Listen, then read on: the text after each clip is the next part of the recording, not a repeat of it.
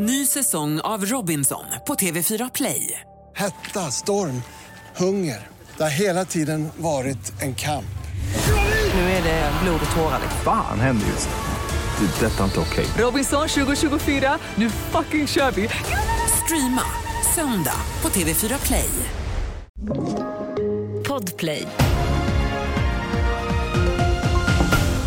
Och här börjar vi med dagens storbrand i Göteborg. 13 personer har själva sökt vård på Salgrenska för lindriga skador efter branden som bröt ut i förmiddags vid Lisebergs nya vattenland.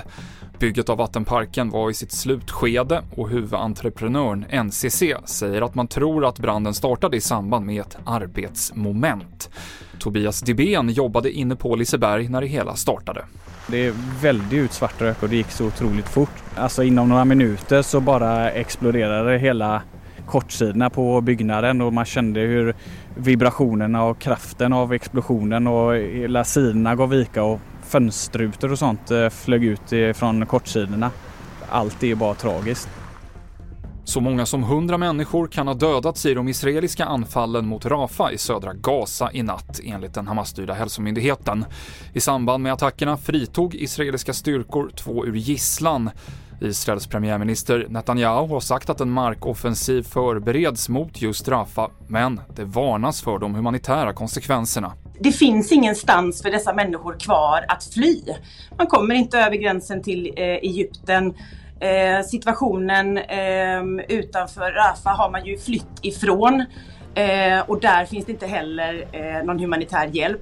Så det här lägger ytterligare ett fruktansvärt kapitel på den redan katastrofala situationen. Cecilia Chatterjee Martinsen, internationell chef på Rädda Barnen.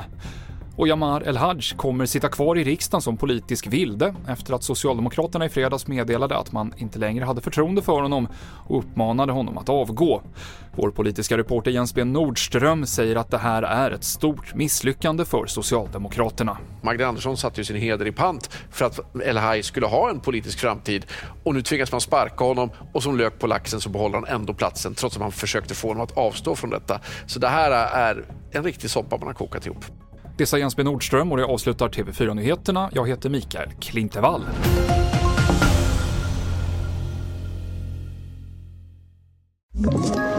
Ett poddtips från Podplay. I fallen jag aldrig glömmer djupdyker Hasse Aro i arbetet bakom några av Sveriges mest uppseendeväckande brottsutredningar. Går vi in med hemlig telefonavlyssning och, och då upplever vi att vi får en total förändring av hans beteende. Vad är det som händer nu? Vem är det som läcker? Och så säger han att jag är kriminell, jag har varit kriminell i hela mitt liv men att mörda ett barn, där går min gräns. Nya säsongen av Fallen jag aldrig glömmer på Podplay.